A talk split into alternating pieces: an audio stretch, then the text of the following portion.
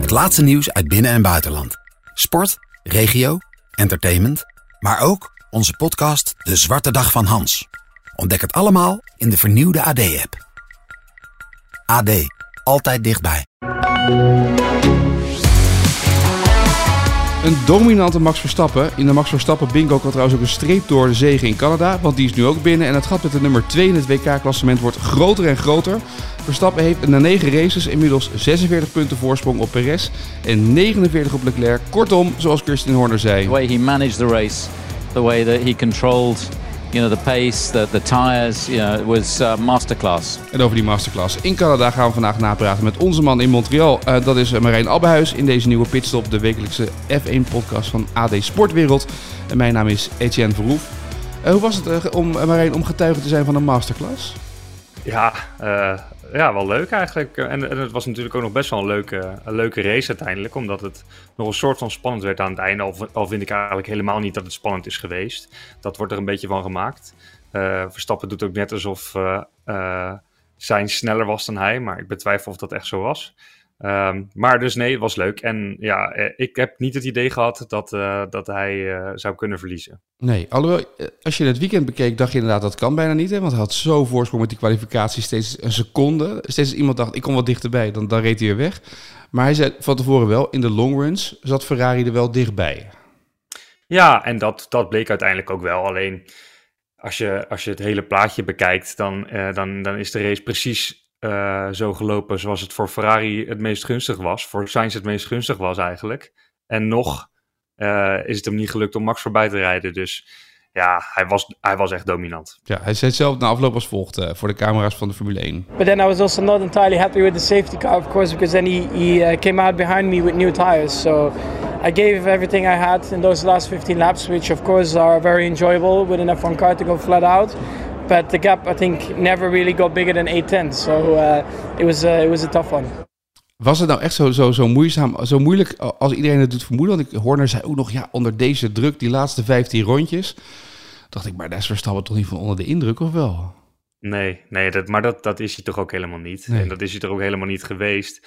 Um, Sainz die, die kon elke keer gewoon bijblijven en het gat weer verkleinen uh, als hij DRS had. Maar meer dan dat was het gewoon echt niet. En je zag zo vaak, zeg maar, bij bochten dat, dat Sainz dan even mis zat. Of dat hij dat die eventjes de aansluiting verloor. En Verstappen blijft dan zo constant en eigenlijk zo onaantastbaar. Dus nee, ik, uh, ik, ik, zat redelijk, uh, ik zat redelijk te kijken met de overtuiging dat hij het zou houden, ja. Je hoeft er niet je stuk nog aan te passen om uh, kwart voor tien met deadline stress bij wijze van spreken. En denken, hij gaat het nee. toch net niet redden. Nee, nee, nee, dat was in dit geval trouwens wel heel zuur geweest uh, met, uh, met het tijdsverschil en de deadline die uh, kort, kort op, de, op het einde van de race lag. Dus. Ja, wat even voor de duidelijkheid, als de krant, zeg maar, de krant zakt, je moet voor tien ongeveer een stuk inleveren. Dus als Verstappen in het laatste rondje nog tegen een muur aan had gestaan, dan had je echt wel moeten rammen. Ja, dan had ik, ja, dan had ik echt moeten rammen, ja. Dan, dan, dan denk ik dat de kans klein is dat, dat het stuk dan de krant had gehaald. Want we hadden wel wel een, een reserveverhaal. Mm -hmm. Sowieso gedaan. Um, ja. Maar goed, Verstappen kende en, en vond je het opmerkelijk dit weekend? Want het was, het was echt wel een dominant weekend van Verstappen. Um, ik weet niet of ik dat opmerkelijk vind. Ik bedoel, ja, het gaat al gewoon de hele tijd uh, crescendo met hem. Sinds, sinds hij aan het begin van het seizoen wat betrouwbaarheidsproblemen heeft gehad in de eerste en de derde race, uh, is het eigenlijk gewoon uh, de grote goed nieuws show. Dus ze ontwikkelen zich zo ongelooflijk goed bij Red Bull en, uh, en, en, vooral rondom Max Verstappen, dat je het wel voelt aankomen dat het, het, het steeds duidelijker uh, het verschil in, uh, in zijn voordeel wordt. dus nee, ik was niet zozeer verbaasd. En dan was de kwalificatie was natuurlijk ook nog eens onder regenachtige omstandigheden, iets wat de hartstikke goed ligt. Dus nee, dit, ja, dit, dit, dit zat eigenlijk wel een beetje aan te komen als je het mij vraagt. Ja. Um, iedereen was op voorhand heel blij terug te keren in Canada. Wat, wat heb je daarvan gemerkt? Wat was jouw eerste keer Canada? Wat, wat heb je daarvan gemerkt? Was het zo'n zo prettig circuit om te zitten en te, rond te lopen? Ja, ja, zeker. Maar het was gewoon onwijs leuk om er te zijn. Er waren heel veel mensen. Het deed een beetje denken aan Australië wat dat er gaat. Al donderdag was het al hartstikke druk op het, op het circuit. Terwijl er dan in, feite nog niet zo gek veel te doen is. Dus er waren volgens mij 338.000 mensen verdeeld over het hele weekend gekomen. Dus dat was weer een dik record. Nou, dat, dat, dat voelde je wel echt. De, de, ja, de sport leeft gigantisch hier. En dat gaat, was het echt, echt super leuk. En ja, het is hartstikke leuk, uh, hartstikke leuk circuit. Want uh, ja, het heeft heel veel. Uh, die race is interessant. het gaat lekker hard. Dus nee, het was echt, echt een heel leuk weekend. Ja, en volgens mij is het ook omdat die coureurs zeggen: je dit zit dicht bij de stad. Weet je, je loopt, je loopt er eigenlijk naartoe. Dat maakt het ook wel een beetje waardoor mensen het prettig circuit vinden. Ja, nou, uh, die ervaring heb ik dan weer niet. Want wij, wij moesten elke dag met een, met, een, met een shuttlebusje naar het circuit worden gebracht. En dat duurde zo vreselijk lang. Want het ligt, het ligt eigenlijk op een eiland. En gevoelsmatig ligt het wel heel dicht bij het centrum van de stad. Alleen in werkelijkheid uh, toch wel redelijk ver weg hoor. Het was wel echt, echt wel tijdrovend elke keer om op het circuit te komen. Voor dus ons dan. Amerikaans dichtbij was het, zeg maar. Ja, ja, precies. Want jij zat dan, uh, je moest met de bus, hoe lang moest je dan elke keer? Ja, dat kon, dat kon wel eens een uur duren. Ja. ja en dan hebben we het over echt maar een heel klein stukje qua afstand. Maar gewoon omdat het heel druk was met auto's daar dan, of wat? Ja, ja, ja. en het is natuurlijk een eiland, dus je hebt maar één toegangsweg. Uh, iedereen moet die brug over. En uh, ja, het was, het was gewoon chaotisch. Het was niet, uh, was niet, mega, niet mega goed geregeld met die, met die shuttlebusjes. Nee. Dus nou ja, het, het, is wat het is. Uh, Verstappen uh, had het uh, goed voor elkaar. zijn ploeggenoot Perez niet. merk je dan nog bij Red Bull dat er wat onzekerheid komt? Dat het bij, bij Perez niet helemaal goed ging met die auto? Nou ja, het komt natuurlijk omdat hij hem zelf in de muur heeft gezet tijdens de kwalificatie. Dus dat, ja, dat, dat ligt volledig aan hemzelf. op het moment dat je je auto kapot rijdt, dan, dan weet je dat de kans groter is dat, dat er ergens iets kapot is gegaan. Of dat, ja, dat, dat er een probleem op kan treden. Dus ja, hij, hij heeft gewoon niet geleverd. Ja, dit weekend niet. Uh, nee. niet. Niet wat ze ervan verwacht hadden eigenlijk. Nee, nee. En dat is natuurlijk ook, dat, dat is ook eigenlijk wel een beetje het thema van het weekend. Hè? Waar, waarbij Verstappen gewoon echt vlekkeloos gaat allemaal. Heeft iedereen om hem heen, heeft problemen. En uh, ja, het, het gat wat nu is ontstaan is ja, bijna niet meer te overbruggen, zou je denken. Ja, nou kan ik me nog herinneren dat Verstappen ooit ook op zo'n achterstand stond. Ja. Volgens mij niet zo heel lang geleden. Nee, nee, nee. Nee, ja, dat, dat zegt hij als nu zelf ook, hè. Want uh, je zal hem niet zo vaak horen zeggen van... oké, ik ben ik voel me nu compleet uh, comfortabel en uh, ik heb heel veel vertrouwen... of ik put, ik put hoop uit het feit dat het bij, bij mijn concurrenten niet goed gaat. Nee, hij zegt altijd van... joh, het kan allemaal zo ronddraaien, et cetera. Dus hij, hij wijst ook wel naar die... situatie van het begin van het seizoen na Australië, toen hij zeg maar degene was die deze achterstand had.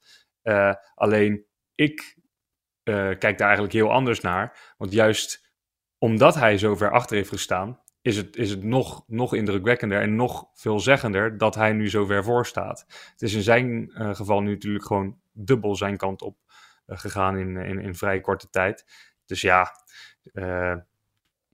gaat, dat nog, gaat dat nog omdraaien? Ik, ik denk het niet, Etienne. Nee, je vraagt je af wie moet het dan gaan doen, hè? Wie moet het, ja, Leclerc zou dan kunnen, maar ja, uh, als die dan uh, een motorwissel heeft en er ook niet aan, aan te pas komt. Nee, daarom. Ja, Leclerc heeft het nu toch ook gewoon, uh, hij heeft het en af en toe een beetje laten afweten ja. en zijn auto laat het afweten.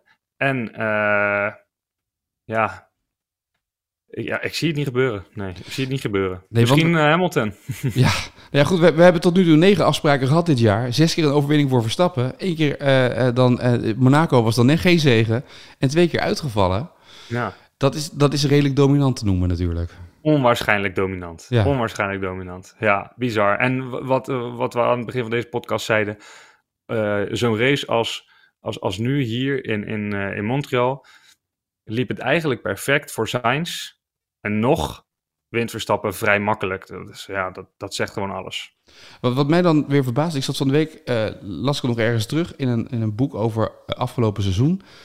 Uh, en daar staat in, er zitten uh, Milton Keys duizend man uh, van, van Red Bull te werken. En vorig jaar, tijdens dat WK, is de helft is gezet op die auto van 2022. En de andere helft was nog bezig met dat WK van 2021. Ja. Dus het is niet eens full force op 2022, maar de helft van de ja. mensen. En datzelfde geldt voor Mercedes. En datzelfde geldt voor Ferrari, is volle bak gegaan daarvoor. Dus ja. je bent met één groep ben je bezig met het WK van 2021 binnenhalen. Met de andere ben je bezig met die ontwikkeling van die auto. Dan verwacht je eigenlijk meer kinderziektes natuurlijk dan dat je nu hebt. Ja, ja, mooi hè, wat ja. dat er gaat dan eigenlijk. Want nou ja, die kinderziektes hebben ze natuurlijk gehad aan het begin van het jaar, maar ze zijn gewoon al weg. Ja. Uh, ik heb, hij, hij, heeft volgens mij helemaal geen twijfel meer over zijn auto, over de betrouwbaarheid van zijn auto. Nee, dat, dat las ik bij jou in het verhaal ook, dat hij eigenlijk zeg maar, dat, dat dit de auto is die hij wil hebben, zo dominant als die nu is. Ja, ja, ja want hij, uh, ja, hij, hij, hij, hij merkt aan alles dat zijn auto veel dominanter is dan, dan die van vorig jaar. Terwijl hij daar natuurlijk bij Vlagen ook ongelooflijk dominant is geweest. Uiteindelijk uh, lag het natuurlijk heel dicht bij elkaar eh, tegenover een, een, auto waarvan we allemaal weten dat hij jarenlang uh, ja, een van de beste aller tijden is geweest, denk ik. Dus ja, dat, dat zegt wel veel dat hij dan nu nog nadrukkelijk het gevoel heeft dat hij zo dominant is in deze bak. Ja, het verhaal van dit weekend was natuurlijk niet de zegen van Max Verstappen in Canada. Het verhaal van het weekend begon eigenlijk donderdag al een beetje in Canada met purposing en dan vooral hoe um, nou, de FIA daarmee zich ging bemoeien. Um, leg, neem even mee in, in die dagen, want er is veel over gezegd, veel over geschreven, veel over gesproken. Verstappen heeft zich erover uitgelaten. hoe heb je daar in die hele discussie gekeken die daar gestart is? Ja, in eerste instantie uh, toen, zeg maar, donderdag kwam, kwam dat bericht van de FIA van oké, wij gaan, wij gaan actie ondernemen. We gaan, we gaan iets doen om ervoor te zorgen dat, dat dit wordt verholpen. Uh, en in feite kunnen teams dat natuurlijk gewoon zelf. Die moeten gewoon beoordelen in hoeverre uh, ze te veel van hun coureurs vragen door die auto op deze manier zo af te stellen. En als dat te veel is, ja, dan moeten ze luisteren naar hun, naar hun coureurs en, en, en dan moeten ze dat aanpassen, ondanks dat die auto daar dan misschien minder snel van wordt. Dat is, dat is nou helemaal waar je mee moet dealen.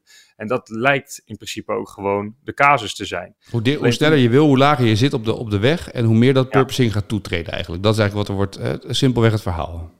Ja, um, ik had Jan Lammers nog even erover aan de telefoon. Die heeft me geprobeerd zo makkelijk mogelijk uh, uit te leggen. Uh, hoe harder je gaat, uh, hoe nadrukkelijker die auto naar het asfalt wordt gezogen. Totdat die auto zo laag staat dat er geen luchtstroom meer onder die auto door kan.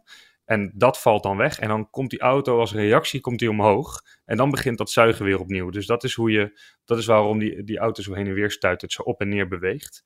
Purposing is overigens Engels voor bruinvissen. Echt waar? die zwemmen op die manier. Die zwemmen heen en weer. Uh, dolfijnsoort is dat. Dus uh, a, purpo a purpoise, a porpoise, dat is, uh, dat is een bruinvis in het, in het Engels. dus daar komt het vandaan. Ja. We, um, weet je van de dag bij deze? Ja. Als je bij de koffieautomaat staat, dan kan je het, weet je waar dat vandaan komt? Komt van de bruinvissen. Oh, echt? Ja. Ja. Ja. Ja. ja, ja, ja, dat is nog eens info waar je wat mee kan, hè? Zeker. Um, maar goed, de FIA ging zich er dus ineens mee bemoeien. Dus ja, eigenlijk was, was, was mijn eerste reactie, onze eerste reactie van ja, uh, ho is, uh, Mercedes heeft hier voornamelijk heel veel last van. Uh, Hamilton spreekt zich hier voortdurend over uit. en daar wordt dan nu gewoon meteen weer op gereageerd. Oftewel, betekent dit dan dat naast Mercedes, die het dus sowieso al moeten doen, ze hadden ook al aangekondigd dat ze dat zouden doen, omdat ze te veel hadden gevraagd van van, van Hamilton en, en Russell. Betekent dit dan dat de andere teams dit ook gaan moeten van de FIA, waardoor het nadeel van Mercedes kleiner is uh, dan het zou zijn als ze dit zonder hulp van de FIA zouden oplossen. Ja, maar, en dan even voor jouw beeld, voor mijn dat, beeld. Dat het was mijn eerste reactie. Ja, het, uh, um, dat Hamilton, het voordeel van Mercedes dus groter is ten opzichte van de andere teams en niet zozeer ten opzichte van Verstappen. Want uh, als hij omhoog wordt gezet, die auto, dan, dan wordt hij minder snel. Precies. Ja, Um, alleen, uh, zeg maar, ik had, ik had er eventjes een beeld bij dat de FIA er eigenlijk voor ging zorgen dat bijna alle auto's omhoger moesten. Ja. Dat er regels over zouden komen, zodat het nadeel van uh, Mercedes kleiner zou zijn. Maar dat is eigenlijk helemaal niet het verhaal. Het verhaal is dat de FIA gaat controleren of een team veel last heeft van purposing. Door uh, eigenlijk gewoon uh, de vloer van die, van, van die auto te monitoren. En op slijtage te, te controleren. En als dat zo is, dan zeggen zij: oké, jullie moeten uh, hem omhoog zetten, omdat, omdat je anders te veel vraagt van je coureurs. Dus in feite is het dus zo dat Mercedes en Hamilton een vrij groot risico lopen dat de FIA zegt, hup, omhoog die, uh, die auto, dit gaat zo niet langer. En dat hij daardoor, dus langzamer wordt. En dat hoeft helemaal niet voor de andere teams te gelden, want dat gaan ze gewoon per casus bekijken. Dus toen ik dat eenmaal uh, scherp had en, en, en, had en had kunnen beoordelen, had ik zoiets van ja, deze, deze ingreep is juist in het voordeel van Verstappen heel erg. Want hij heeft er van alle uh, uh, championship contenders het minste last van, van dat purposing. Dus de kans dat zij op hun vingers worden getikt door de FIA is nihil. Um, dus ja, eigenlijk is het, is, is het voor Verstappen prima dat, dat de FIA zich op deze manier mee heeft bemoeid. En toch was het zo dat Verstappen het daar dan weer niet mee eens was. Nee. Want, want die zei van ja, uh, we moeten niet halverwege het jaar de regels uh, uh, veranderen. ieder team moet dit lekker zelf oplossen. En de ene is er beter mee omgegaan dan de ander. En ehm, ik begrijp natuurlijk heel erg dat standpunt. Zeker ook omdat zij zelf ook heel nadrukkelijk dat gevoel hadden van er wordt weer geluisterd naar het klagende Mercedes, zoals dat altijd al zo is. Ehm, maar ja, het is natuurlijk ook wel heel erg lekker. Dat is dan de conclusie die je daarover weer moet trekken. Dat hij het oneens kan zijn met een besluit dat in zijn voordeel speelt. Ja. Zo dominant is hij dus. Het zit volgens mij vooral ook wel in het feit dat als je steeds tussentijds de regels gaat veranderen, als je dat één keer doet, dan is een soort presidentwerking wat eruit gaat, toch? Ja, en zij zitten zelf natuurlijk enorm te zeuren om een, om een regelwijziging halverwege het jaar vanwege de budgetcap en de inflatie. En, ze, en ze willen graag meer geld uitgeven dan mag. Dus uh, het is ook wel een, een, een beetje, ja, nou, hypocriet is misschien een beetje een heel groot woord, maar het is wel inconsequent. Ja, dat is waar. Maar goed, die, de VIA gaat dus nu onder die auto's liggen. Die gaan die auto's optillen en dan gaan ze kijken hoe zit het met die bodemplaat? Hoe beschadigd is die nou precies? Ja. Um, maar als ik die onboards bekijk, dan zie ik die kopjes. En, en ik hoorde Sainz volgens mij vrijdag bij de vrije training al roepen uh, dat het enorm heftig was. Dus ja. Ja, nee, 1 1 is 2. Ik bedoel, uh, ze, ze, ze, moeten zich gewoon gaan aanpassen. En, uh, en, tegelijkertijd kunnen alle teams, wat ze natuurlijk al aan het doen zijn, op zoek naar andere manieren om, om dat purposing um, ja, te voorkomen of, of uit te bannen. Uh, want dat wilden ze natuurlijk niet ten koste van de snelheid. Maar ja, als dat op dit moment moet, ja, dan moet het. Ja, en dan vind ik het wel fascinerend waarom het Red Bull wel gelukt is. Die, die hebben minimale last van purposing, zo lijkt het. Ja. ja. En wat er, dan, uh, uh, wat er dan anders is bij die Ferrari en bij die Mercedes bijvoorbeeld. Ja, ja, ja zo, zo, zo technisch ben ik niet om, om, om, om daar echt de vinger achter te kunnen leggen wat er dan precies is uh, ge gebeurd bij Red Bull wat beter is gegaan dan bij Ferrari en, en Mercedes. Maar ja, dat hebben ze daar in die fabriek wel ongelooflijk goed gedaan. De, ja. Die conclusie kunnen we zeker wel trekken, ja. En was, dan, was dat al te merken dit weekend dat, dat teams de boel aan het bijstellen waren? Ja, volgens mij wel, want Lewis Hamilton had geen last meer van zijn rug. nee, en zijn stoeltje was gewoon weer warm geworden. Ja, precies. Ja. Nou ja, ja, ja, dat verklaart misschien ook wel dus waarom in die kwalificaties steeds als iemand dacht ik kom op 2, 3 tienden van Verstappen, dat Verstappen weer een dot gas gaf en dat hij weer op één seconde zat bijna. Ja, ja nou, dat, was, dat was helemaal ongenaakbaar uh, wat hij in die kwalificatie liet zien. En eigenlijk ook al tijdens de vrije trainingen. Dat, uh, hij had zoveel meer snelheid dan de rest. Uh, ja. Ja, uh, in de stand trouwens, in de race, in de eindklassering, ik bedoel, we hebben het over Verstappen en Sainz. En je zei in het begin van deze podcast al, misschien wel Lewis Hamilton. Ineens was hij daar, hè, op 7 seconden. Hij zat er nog ruim achter, na die safety car. Maar mm. Hamilton had, die, die klonk ook in alles. Hè, hij was weer helemaal een beetje terug uh, van weg geweest. Zo voelde het een beetje. Ja, hij was vrolijk en uh, mega blij. En in eerste instantie, want dat, dat was eigenlijk mijn backup verhaal. mijn backup verhaal was eigenlijk dat het helemaal niet goed gaat met Hamilton. Dat hij steen en been klaagt, want zo begon het weekend ook weer. Want this car is drivable man. Dat hebben we ook alweer over de boordradio gehoord.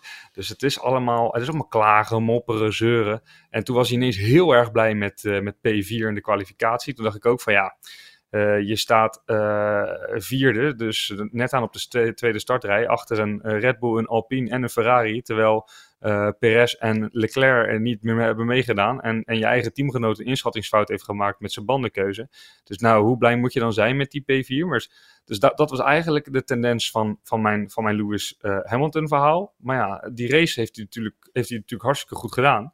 En ja, deze, deze podium, podiumplaats ja, geeft hem best wel hoop. En uh, ja, het, het, het, het, was ook echt wel goed voor zijn gemoedstoestand. Dat kon je echt wel, echt wel merken. Weet je dat merkte aan het eindinterview? Hij stond daar klaar en ineens, hello Montreal, how are you doing? Dat, dat zou hij, als hij had gebaald, nooit gedaan hebben. Nee, klopt, nee. klopt, klopt. Nee, hij was, hij was en, en hij is mega populair. Uh, hier zo in Canada is hij, is hij hartstikke populair. Je, je, je, hoort hem, je hoort hem echt aankomen.